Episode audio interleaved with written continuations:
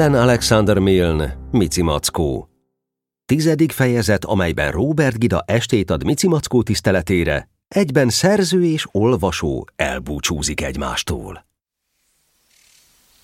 Egy napon, amikor a nap első tavaszi látogatásainak egyikével tisztelgett az erdőben, ajándékul hozván egy kis májusi illatot, és amikor a patakok fecsegve és csörögve üdvözölték egymást az ünnepélyes alkalomból, s a tócsák álmodozva bámulták a fölöttük suhanó felhőket, s a langyos levegőben a kakuk is hangolni kezdte a hangját elelhallgatva közben, hogy önmaga is megfigyelje, vajon jól hangzik-e már, és vadgalambok panaszkodtak egymásnak szelíden és lustán, után, mint egy enyhén zsörtölődve, hogy bár az egész dologban a másik a hibás, de azért nem kell mellre szívni.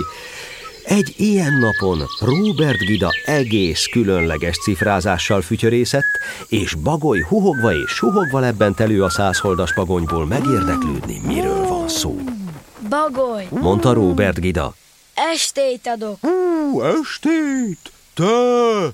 Ott! Huhogta Bagoly méghozzá különleges estét, annak a nagy tettnek a tiszteletére, amit Mici Mackó hajtott végre, amikor végrehajtotta, amit végrehajtott, mint árvízi hajós, vagyis megmentette Malacka életét. Ú, úgy, ezért! És arra kérlek, értesítsd Mackót és az egész társaságot, mert holnapra tervezem. Ú, holnapra? Értesítsem! Huhogott Bagoly, és azt sem tudta, mihez fogjon nagy buzgalmában. Hát akkor értesíted őket, ugye? Bagoly valami nagyon bölcset akart mondani, de nem jutott eszébe semmi, így hát elsuhogott összeterelni a bandát. Az első, akivel találkozott, maga Mici Mackó volt. Mm, Mackó! Szólította meg. Robert Gida, estét ad! Igazán? Kérdezte Mackó, de mert úgy érezte, hogy Bagoly vár még tőle, valamit hozzátette. És, és lesz olyan kis ütemény, rózsaszín cukrozással a tetején? Bagoly méltóságán alulinak vélte, hogy efféle apróságokról nyilatkozzék, így hát elismételte, amit Robert Gidától hallott, és elsuhogott füleshez. Esté az én tiszteletemre! Tűnődött Mici Mackó s már is nagyon szerette volna közölni mindenkivel, hogy ez csak külön Mici Mackó esté lesz szám. Remélte, hogy Robert Gida fel fogja világosítani erről a vendégeket, lesz néhány szava az árvízi medve hőstetteiről, s általában a medve észről. Remélte, de nem volt biztos benne, s attól is tartott, hogy majd senki sem fogja tudni tulajdonképpen miért van itt estély. Ez nagyon lehangolta, mint valami rossz álom, amelyben semmi sem megy a maga rendjén. Ez a ködös álom, mint egy önmagától kezdte zümmögni az alábbi verset, amit a kételkedő mackó dalának neveznék. Háromszor hurrá! Hip, hip és hurrá! Kicsoda? Ő csoda. Miért? Mit csinált? Azt hittem, tudjátok, hogy két ízben mentette meg barátait, akik ben voltak a vízben. Háromszoros hurrá! Kicsodáért? Ő csodáért, hisz maga nem is tud úszni, csak másokat kihúzni. Kicsodát? Ugyan már. Buta fickó. Akiről beszélek, ki lenne más? Mackó. Mickó. Na megállj, Lackó. Sajnálom, de kiment a fejemből. Ő az, Mackó, a nagy eszű. Medve Medvecki? Te, itt nevetsz ki. Én nem nevetek, de mondd még egyszer. A nagy eszű, igenis. A milyen eszű? Nesze.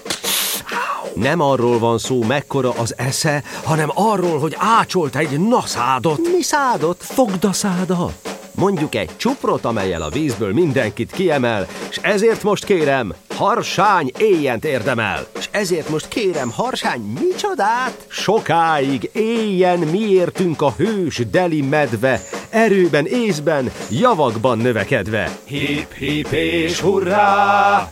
Kiért? Őért éljen a medve. Midve? Medve. Azért, amit tett? Vivát, vivát, vivát! De micsodát? Éljen sokáig a csodamedve, aki hős lett. Jó, jó, csak mondja meg gyorsan valaki, mi volt az a hős tett? Amíg ezek történtek Mici Mackó lelkében, Bagoly fülessel beszélgetett. Hú, hú, füles! mondta Bagoly. Robert Gida estét ad! Ah, nagyon érdekes, mondta Füles. Remélem, elküldik nekem a maradék falatokat, amelyek odaégtek, vagy beszáradtak, és nem kellenek senkinek. Elküldik figyelmes gondoskodás jelegyanánt. Csak úgy mondom, nem mintha számítanék rá. Eh, szóra sem érdemes. Ú, meghívásom van a számodra. Az milyen? Mint egy meghívás. Hallom. Na és hol van? Elvesztetted? Lejtetted? Eltört, szétpukkadt, tönkrement. A meghívás az nem ennivaló, az azt jelenti, hogy szívesen látnak az estéjen. Füles lassan csóválta a fejét. Nem nekem szól az. Biztos malackának szól, annak a kedves kis fickónak, akinek mindig remeg a füle. Malacka. Majd szólok neki. Nem, nem, Huhogott bagoly türelmetlenül. Neked szól. Biztos. Egészen biztos. Hú, Robert Gida mondta, így mondta. Hú, hívd össze őket mind, szólj nekik. Nem így mondta mind, kivéve fülest. Hú, nem, Huhogta bagoly mogorván. Ó, mondta füles.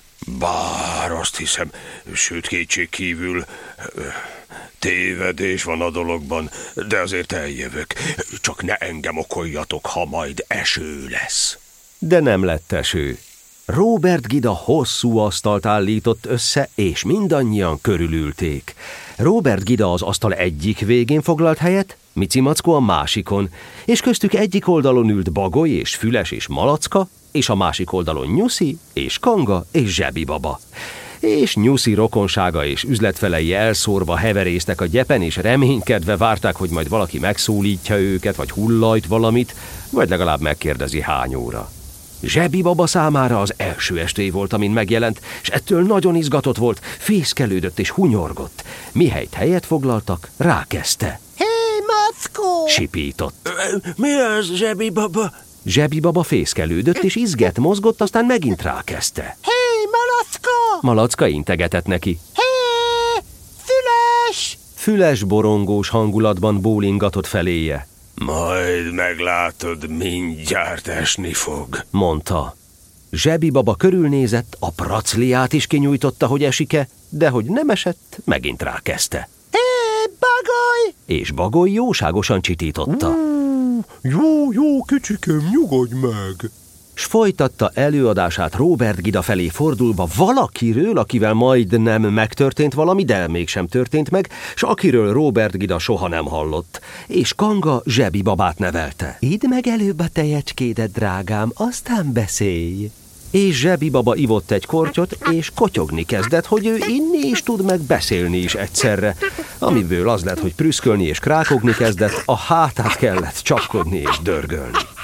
Amikor jól laktak, Robert Gida a kanalával kopogott az asztalon, mire mindenki azonnal elhallgatott, zsebi babát kivéve, aki nem tudta abba hagyni a csuklást, de igyekezett úgy viselkedni, mintha Nyuszi valamelyik rokona csuklana. Ezt az estét Kezdte Robert Gida, valakinek a tiszteletére hívtuk össze.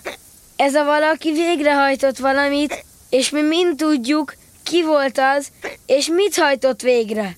Ezért ez az ő estéje, és én elhatároztam, hogy ebből az alkalomból megajándékozom őt ezzel, a, ezzel a, zsebeiben keresgélt és zavartan súgta. a, hová tettem? Amíg így keresgélt, füles jelentőség teljesen köhintett, aztán elfogult hangon beszélni kezdett. Barátaim, mondta.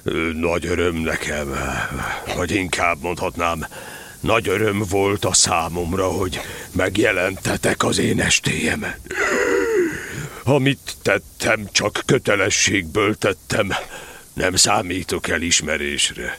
Semmi sem volt az egész, szót sem érdemel. Ti minnyájan, talán Kangát és Bagolyt és Nyuszit kivéve, ugyanezt tettétek volna az én helyemben. És Mici Mackót kivéve.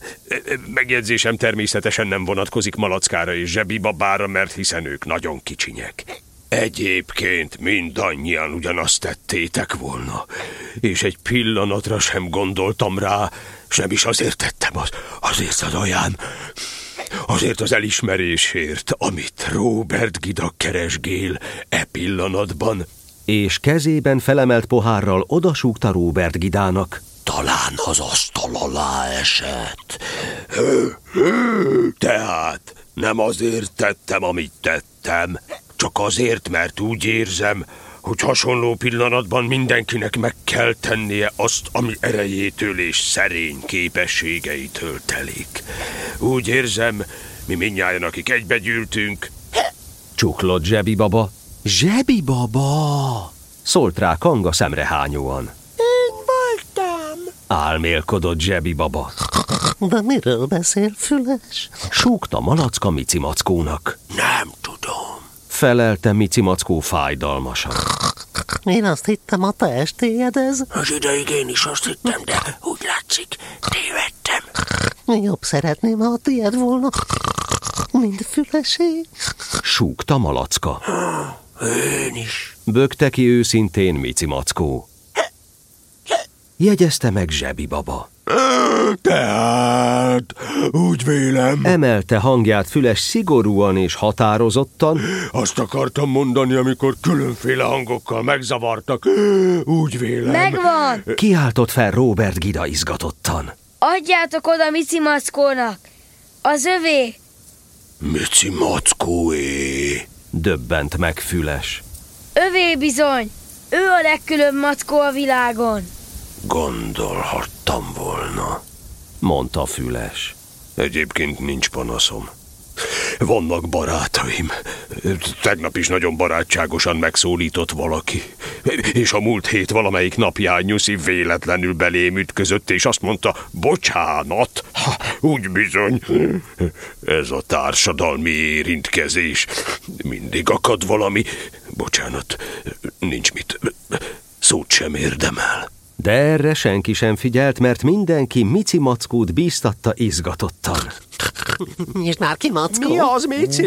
Én sejtem. És így tovább.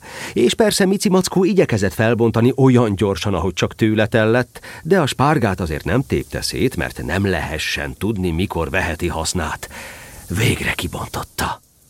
Amikor meglátta, mi van benne, csak nem elesett az örömteljes meglepetéstől. Bizony, egy egész doboz különleges ceruza volt benne. Az egyiken ez állt B, ami nyilván azt jelentette barátomnak. A másikon HB, ehelyett hűséges barátsággal. A harmadikon BB, nyilván becsületes barátomnak.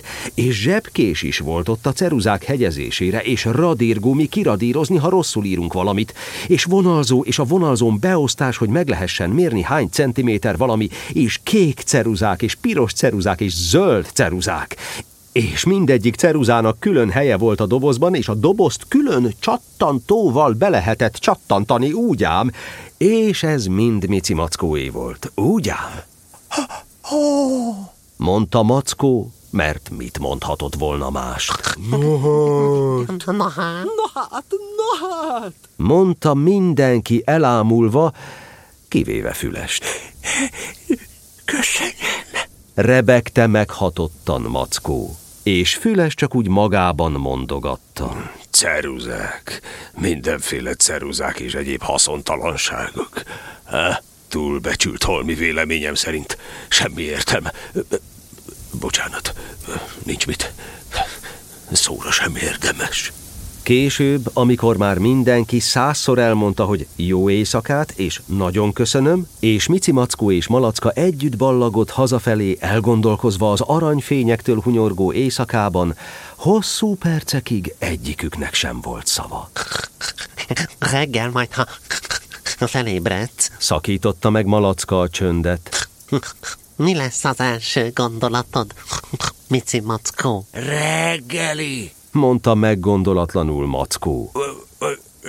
Nem erre gondoltál? Hát nem az, ami ma történt.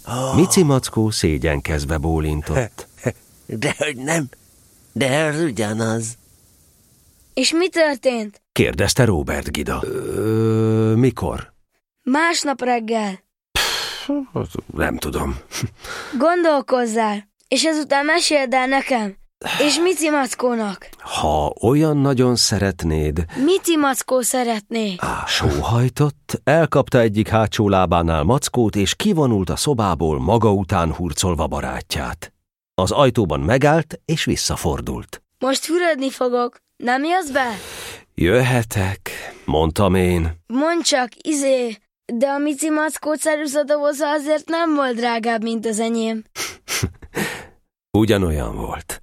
Bólintott, és kiment, és a következő pillanatban már hallottam. Kip-kop, kip-kop, ahogy Mici Mackó feje hozzáütődik a lépcsőfokokhoz.